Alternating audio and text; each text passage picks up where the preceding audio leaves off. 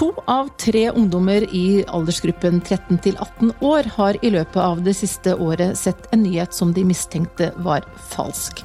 Det viser Medietilsynets nye undersøkelse Barn og medier 2020. Men hva gjør barn og unge når de kommer over en sak som de lurer på om er sann? Og hvordan kan vi sørge for at de unge får den kompetansen de trenger for å kunne håndtere dagens medievirkelighet?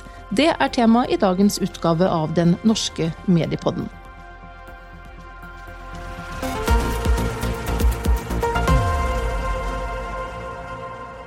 Digitale ferdigheter har fått en tydeligere plass i de nye læreplanene. Det handler om god digital dømmekraft, kildekritikk og informasjonssikkerhet, sa tidligere kunnskapsminister Jan Tore Sanner da han presenterte innholdet i fagfornyelsen i november 2019. Og det er sannelig på tide, mener vi i Medietilsynet, at disse temaene får en større plass i skolen. Det behovet underbygges av vår nye undersøkelse om barn og unges mediebruk, som bl.a. viser at mange unge eksponeres for nyheter de mistenker er falske eller usanne. To av tre 13-18-åringer har sett en nyhet de mistenker at var falsk det siste året, viser undersøkelsen, og de fleste har sett en slik nyhet på sosiale medier. Kildekritikk er altså en kompetanse det er viktig å få på plass fra tidlig alder. Og Lars Kvenshaugen Gimse, du er seniorrådgiver i Utdanningsdirektoratet. Helt konkret, hvilke mål og krav er det nå som kommer på plass i forbindelse med de nye læreplanene til høsten? Kort kan jeg si at Nå er det jo tre tverrfaglige temaer som kommer sterkt inn i eh, læreplanene. Folkehelse og livsmestring, bærekraftig utvikling og demokrati og medborgerskap. Og da er det jo gjerne de grunnleggende ferdighetene med eh, de digitale grunnleggende ferdighetene eh, som blir litt sånn ekstra viktig. Og bl.a. samfunnsfag vil få et sært eh, ansvar for det digitale medborgerskapet. Men hva er det barn og unge nå skal lære, som de ikke har gjort på samme måte tidligere? Jeg tenker at Det som er det viktigste for barna nå, er å bli kritisk til hva de eh, leser, hva de møter og hva de lærer. Og Det å være kritisk det er jo ikke det å på en måte være imot noe, men det er å på en måte være reflektert, undersøke, prøve ut. Er det sant, er det ikke sant? Og være nysgjerrig i, i det de eh, møter i mediehverdagen. Og dette skal altså nå ikke komme som et eget fag, men eh, sildre inn i de fagene som elevene allerede har? Ja, det skal sildre inn i alle fagene, og det ligger jo egentlig i den overordna delen i læreplanene, men nå er det mer spesifikt utover gjennom de tverrfaglige temaene, gjennom kjerneelementene og helt ned på kompetansemålene. Vi har jo akkurat gjort en uh, ny stor undersøkelse i Medietilsynet blant uh, barn og unge. Og da har vi eh, bl.a. spurt om dette med om de har sett en nyhet som de har opplevd at, eller mistenkt at ikke har vært sann. Og da ser vi at to av tre har sett en slik nyhet det siste året. Men så er det altså så mange som 60% som ikke gjorde noe mer med det. Og du nevnte jo dette her med betydningen av å, å være kritisk. Så selv om ungdommene ser ut til å ha en bevissthet rundt at de kan eksponeres for innhold som ikke nødvendigvis er sant, så er det altså et fåtall som sier at de selv aktivt sjekker opp denne type saker. Og Hanna Arntzen Bonde, du er lærer, jobber til daglig på Fyrstikkalleen skole her i Oslo. Eh, og i ditt møte med ungdommer, eh, har du inntrykk av at de er bevisst på dette med kildekritikk, eller eh, reflekterer de ikke så mye over det de leser og ser? Nei, min erfaring er at de er ikke kritiske så lenge de ikke får beskjed om å være det, eller læres opp til å være det. Og stort sett så er de mest opptatt av å finne svar på det temaet de lurer på, eller den oppgaven de lurer på. Bli ferdig med oppgaven og leksa, rett og slett? Ja, bli ferdig. ja. Rett og slett. Men på hvilken måte er eh, dette med kildekritikk og, og nettvett en del av undervisningen i dag? Eh, på eh, den skolen jeg jobber på, så jobber, eh, så jobber vi hele tiden med, eh, med kildekritikk og det, det, med kritisk tilnærming til tekst i undervisningen. Vi tar det hele tiden opp, og det er ikke en, det er inkludert og en integrert del av undervisningen i det daglige.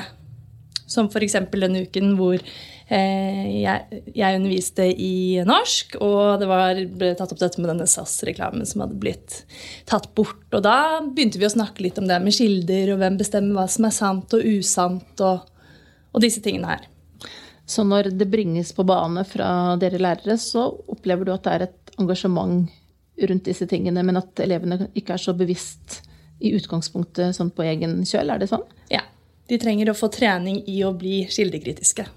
Men er du fornøyd med det opplegget som er i dag? Altså, nå skjer det jo noe med læreplanene fra høsten, men sånn som du har opplevd det som lærer så langt, eh, hvordan eh, har du vært fornøyd med det? Ja, altså nå blir det jo, stilles det jo enda større krav til eh, Ikke bare til elevene, men også til læreren. I og med at vi vet jo at læreren er den viktigste enkeltfaktoren for elevenes læring.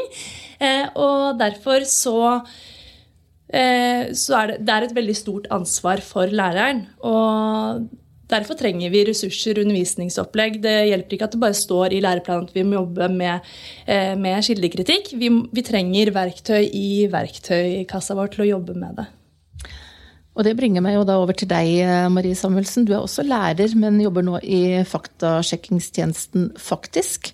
Eh, og dere jobber bl.a. med å utvikle nå eh, undervisningsopplegg for skolen som skal svare opp disse nye læreplanene.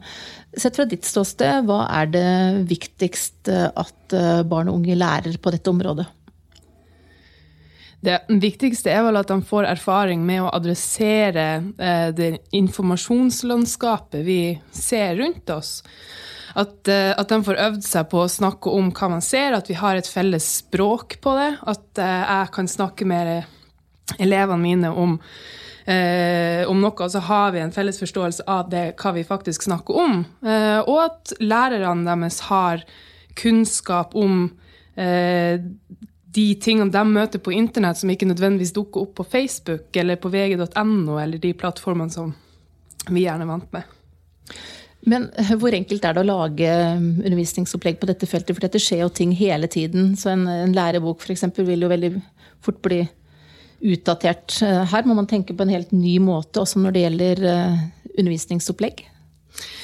Ja, eller så Vi tenker jo sånn at det gjør jo ikke noe om et undervisningsopplegg dør ut. Så hvis vi har et dagsaktuelt eksempel som vi publiserer på vår nettside, og det viser seg om to måneder at det ikke er relevant lenger, så ser ikke vi som noe nederlag å ta det ned. Det er jo de dagsferske eksemplene som er gull å ta med inn i undervisninga. Men det betyr jo da å stille noen krav også til dere lærere da, om å, å følge med og, være på å oppdatere eksempler f.eks. som dere bruker i undervisningen? Absolutt, og det er det som er F.eks. i geografiboka etter tiende trinn så står det at det er en massiv arbeidsinnvandring fra Mexico til USA. Og den boka, altså det, det eh, temaet i den boka kan man jo ikke bruke i undervisning, og da må man jo bruke dagsaktuelle kilder. Eh, og da trenger, man, da trenger elevene veiledning. Det er ikke som hun at man bare kan si søk, og så skal eleven ut og søke på nettet. Trenger, eh, trenger rett og slett noen sånne relevanskriterier, f.eks. Lars Kvenshagen eh, Gimse, nå når digital dømmekraft, kildekritikk, kritisk medieforståelse osv. får en større plass i, i, læreplanene, hvordan jobbes det nå konkret med å forberede det, f.eks. For når det gjelder eh, undervisningsopplegg og, som eh, du også var inne på her, Hanna, kompetansebygging hos lærerne?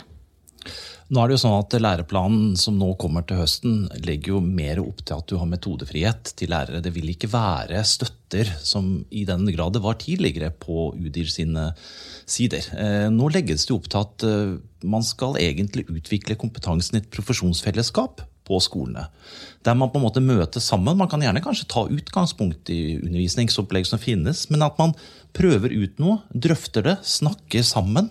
Men at det er litt eh, sånn at man gjør det i lag og blir gode i lag. Så ganske stor frihet for den enkelte ja, skole, egentlig? Da. Ja, det, det, er jo det som blir nå. For det vil ikke ligge noen føringer for hva som skal brukes, men det kommer veldig mange gode ressurser fra f.eks. faktisk.no eller fra andre steder. Det, det, vil jo være veldig godt for lærerne å kunne ta utgangspunkt i det inn i profesjon og diskutere det på skolen. For det er der kompetanseheving skal skje. altså Skolebasert kompetanseheving, og systematisk. Men når såpass mye da er overlatt til den enkelte skole, risikerer man ikke også da at eh, forskjellen eh, og kvaliteten på det som man får på de forskjellige skolene, vil bli veldig ulik? Jo, det, det kan man si. Men um, gjennom den nye læreplanvisningen så er det sånn at nå legges opp til at det også skal bli mulighet til å kunne planlegge sin undervisning der. Og gjennom at man kan planlegge sin undervisning basert på kompetansemålene eller læreplanverket, så kan man dele det med andre lærere, og det tror jeg kan være kjempegull. Altså Har man skapt noe på sin skole, så kan man dele det med andre. Og det er en sånn funksjonalitet som kommer i den nye læreplanvisningen nå på våren. Hanna, hva føler du at du trenger for å kunne gjøre din jobb på en god måte når disse tingene i større grad skal inn i den daglige undervisningen? Det er jo det med gode ressurser. Gode eksempler. ikke sant? For at, uh, hvis man skal vurdere om en kilde er god eller ikke, eller gode eksempler på en kilde som faktisk.no da har funnet ut at det her var ikke fakta, de har fakt, faktasjekket den, så er det veldig fint at det er en kommunikasjon eh, som går ut til, eh, til skolene. Marie Samuelsen, I tillegg til å, å faktasjekke konkrete saker, så jobber jo dere faktisk nettopp da med å utvikle undervisningsopplegg. Vi har jobbet sammen, eh, vi i Medietilsynet og dere, om ett opplegg om kildekritikk og falske nyheter. Der har også dere i Utdanningsdirektoratet vært med eh, for ungdomsskolen. Og så kommer jo dere nå i, faktisk, i disse dager faktisk med et nytt opplegg som heter Tenk. Og du må fortelle litt om eh, hva det innebærer.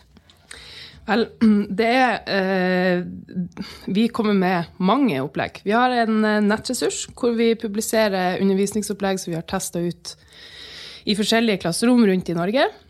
Eh, og nettopp det her med at man må prøve seg frem, og så må man eh, evaluere det i etterkant. Hva som funker, hva som ikke funker. Eh, hvordan spørsmål man kan stille til de ulike eksemplene. Hva som eh, fordrer god debatt, hva som blir litt dårlig stemning. Eh, så det er det vi har som ligger ute på våre nettsider. Men litt tilbake til det han Lars sa om, eh, om det her å dele undervisningsopplegg. For jeg tror at det viktigste vi gjør nå inn i arbeidet med det her, er å stimulere den kvalifiserte nysgjerrigheten som er nødt til å, eller som de unge er nødt til å ha på egen hånd. At de er nødt til, Når de sitter alene hjemme i senga og blar på mobilen, så trenger de å eh, være nysgjerrig for å finne ut av om det er sant eller ikke. For det er ikke noen som står der og maser på dem og sier 'gjør den oppgaven'. De har lyst til det sjøl. Og det tror jeg bare vi kan gjøre sammen. Og det er kanskje en utfordring, for du nevnte jo nettopp det med at eh, fokus først og fremst er å bli ferdig med oppgaven. Så hvordan man kan få eh, de unge til liksom selv å tenke at man skal ha en kritisk tilnærming eh, til det man leser. Hva tenker dere er nøkkelen her? Hvordan motivere de unge, eller gjøre dem bevisste på akkurat dette? De er jo veldig opptatt av karakterer, særlig på videregående. Så det er jo at de blir bevisst på det med, eh, med kritisk tenkning og være kritisk til kilder, det gjør også at de blir mer troverdige selv. Eh, det blir bedre tekster, og hvis de skal kunne finne to ulike argumenter, så må de eh, være kritiske og, og se at det er to som skiller seg fra hverandre. Så fokus på at uh, dette er viktig for karakteren, det tror du er en viktig motivasjon? Nei, det er kanskje ikke i seg selv det, men eh, å gjøre dem bevisst på det. Men i tillegg også å eh, lage litt spennende undervisningsopplegg. Jeg vet ikke, jeg har prøvd noe sånt som at de skal vurdere om en kilde Om de tar den for god fisk. på en lapp da har satt opp noen ulike kilder, og så hvis ikke må de ikke sant, hoppe i havet eh, sånn type, type, spill. da, så, Sånn kreativ undervisning. Dere faktisk, eh, Hva tenker dere er veien å gå for å gjøre elevene motivert og interessert eh, til dette med en kritisk tilnærming? Det er jo mange veier å gå, eh, men én ting man kan gjøre, er å ta utgangspunkt i de egenskapene de er klar over at de har allerede. Mange av, altså mange har jo allerede researcha ting på nett. Om det kanskje ikke har vært av faglig verdi, så har det kanskje vært en de har vært interessert i, eller en by de skulle besøke, eller et fotballag. Dette er jo skills de har benytta seg av i en viss grad. Og det å påpeke at de allerede gjør det, tror jeg kan hjelpe. Eh, litt, i hvert fall. Når dere har eh, utviklet opplegg, i hvilken grad har dere da eh, testet ut dette på eh, de unge og fått noe tilbakemelding på hva de syns fungerer og ikke? Vi har vært ute i, vi har pilotert det i klasser. På, I Tromsø, i Bærum, i, litt rundt omkring. og vi ser jo at dette er et tema som engasjerer dem. Det er et tema de syns er spennende å jobbe med, og spesielt i oppleggene hvor vi legger opp til nettopp lek. Eh, hvor du skal leke litt med tematikken og eh, prøve deg litt frem. Der ser vi at mange kanskje blomstrer eh, innafor kritisk refleksjon og tankegang. Så handler det egentlig da mest om eh, at tilnærmingen eh, er på en måte som eh, gjør at de syns det er spennende. At hvis det gjøres riktig, så er dette noe som kan fenge. Ja, absolutt. Og det her er jo, det er jo trikset med mye av det som skjer i klasserommet. hvis det man gjør, gjøres på en artig måte, så blir det lettere å lære det. og det finnes jo utrolig mange gode oppgaver og gode undervisningsopplegg der ute som, som, gjør nettopp det. Og det tror jeg og innenfor alle slags tematikk. Uh, det en, men det er en didaktisk jobb som må gjøres, og det må gjøres nå fordi fagfornyelsen kommer til høsten. Og det må vi på en måte, alle som står i klasserommet, er nødt til å gjøre den jobben. da. Men Lars, eh, nå er det jo mange lærere som sikkert eh, er spent. Det kommer nye mål, nye krav. De skal stå i klasserommet og gjøre en del ting som de ikke har gjort tidligere. På hvilken måte blir det tilrettelagt for at den enkelte lærer skal få den kompetansehevingen som de trenger? For det er vel en forutsetning for at disse endringene i fagplanene skal lykkes? Ja da, øh, og bl.a. det med innføring av selve læreplanverket nå, så er det jo en kompetanseportal på udyr.no som nå snart har halvparten av Norges lærere inne. Det er over 50 000 der. Så det å skape kompetansepakker som er åpne øh, for alle lærere, i samarbeid med UH-sektor eller andre interessenter som kan skape innhold, det tror jeg kan være liksom gulroten, eller på en måte få til den profesjonsfaglige utviklinga i skoleverket. Og så er det jo en, en annen ting man trenger tid eh, til å jobbe med det her. Og det merker vi spesielt når vi sitter tre lærere i lag og har jobba fulltid med denne tematikken. Eh, så ser vi hvor tidskrevende det er å lete opp nettopp de gode eksemplene. Eh, og sette sammen de gode oppleggene som gjør at det blir mer elevaktiv enn foredrag. Og det er jo den tida der man ikke kanskje Man har jo ikke råd til å ta seg den tida når man står midt oppi en hektisk skolehverdag. Hvordan eh, jobber dere på Fyrstikkalleen skole med å forberede eh, disse endringene som kommer fra høsten? Vi jobber eh, Vi har jobbet Du nevnte innledningsvis, Lars, disse tverrfaglige temaene. Og de har vi jobbet med tematisk gjennom dette, dette året. Og vi jobber med kildekritikk i fagene, men prøver også å jobbe tverrfaglig. Og det er der det kanskje også kan bli litt vanskelig hvis elevene skal jobbe tverrfaglig og, eh, og utlede noen eh, kriterier for hvordan de finner kilder. at fagene er jo så ulike. Så det kan jo være, tror jeg kan være en utfordring. Har dere noen gode tips til eh, lærere som kanskje hører på nå, og som eh, kjenner litt på at de ja, ikke er helt sikre på hvordan de skal håndtere dette fra høsten? Hvis eh, lærer skal forberede seg godt på de nye kravene som kommer på dette feltet med kildekritikk, kritisk medieforståelse. Hva er det lurt å gjøre da, før eh, høsten kommer? Vil du begynne, Lars, eller? Ja, jeg tenker jo Det må jo være å kanskje bli kjent med noen forskjellige tjenester som har altså Faktisk.no kan jo være at man kan kjenne. Vi har jo også en tjeneste som heter dubestemmer.no. og Der har vi jo allerede en liten artikkel som går på det med kritisk tenking og falske nyheter. Eh, men klart, den skal revideres og ta høyde for de nye fagplanene. Så jeg tenker at det å på en måte vite av hvor man kan finne sånne ressurser, tror jeg er viktig. Eh, men jeg har ikke egentlig noe svar på hvor det skal ligge. da, Men det er jo kanskje det der at eh, man må kanskje prøve å være litt ekstra nysgjerrig. Men en slags delingskultur tror jeg nok det er viktig. Og klart noe som kan være til en støtte innenfor læreplanverket, det vil vi legge på, på direktoratet sine sider. Og det vil man få tilgang til gjennom den nye læreplanvisningen, som nå er blitt digital, der man kan hake av, av forskjellige ting. Marie? Jeg må, jo nevne eh, oss som en type ressurs man kan bruke. Tenk.faktisk.no, hvor du kan kjøre altså Det hele, alt fra øvelser til eh, større prosjekt, tverrfaglige prosjektpakker hvor man kan prøve seg frem med det. Men jeg tenker at det er jo nettopp det som er det viktigste. Du må prøve deg frem til du blir såpass trygg på å stå i det temaet at du kan med selvtillit gå inn i klasserommet og ta en diskusjon eller et eksempel som eh, kan være litt utfordrende. For det er jo ofte sånn eh, innenfor den tematikken her, da. Hva tenker du som eh, er i klasserommet selv? Helt enig i det. Jeg snakket med en kollega i dag som, eh, ja, som har, har, brukt et eksempel. Skulle eh, eh, elevene eh, skulle bruke siden til den nordiske motstandsbevegelsen.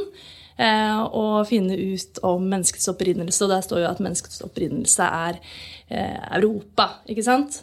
og det kan skape litt sånn ubehag, disse eksemplene. ikke sant? men det var mange elever som tenkte at ja, det her er jo, det står jo at det er fakta. Da er det fakta. Så det er en kjempeutfordring, og vi lærere trenger hjelp til de gode eksemplene eh, som vi kan bruke i undervisning. Mm. Nå snakker vi jo mye om eh, skolens ansvar, lærernes eh, ansvar. Eh, ansvar i forhold til å tilrettelegge undervisningen her.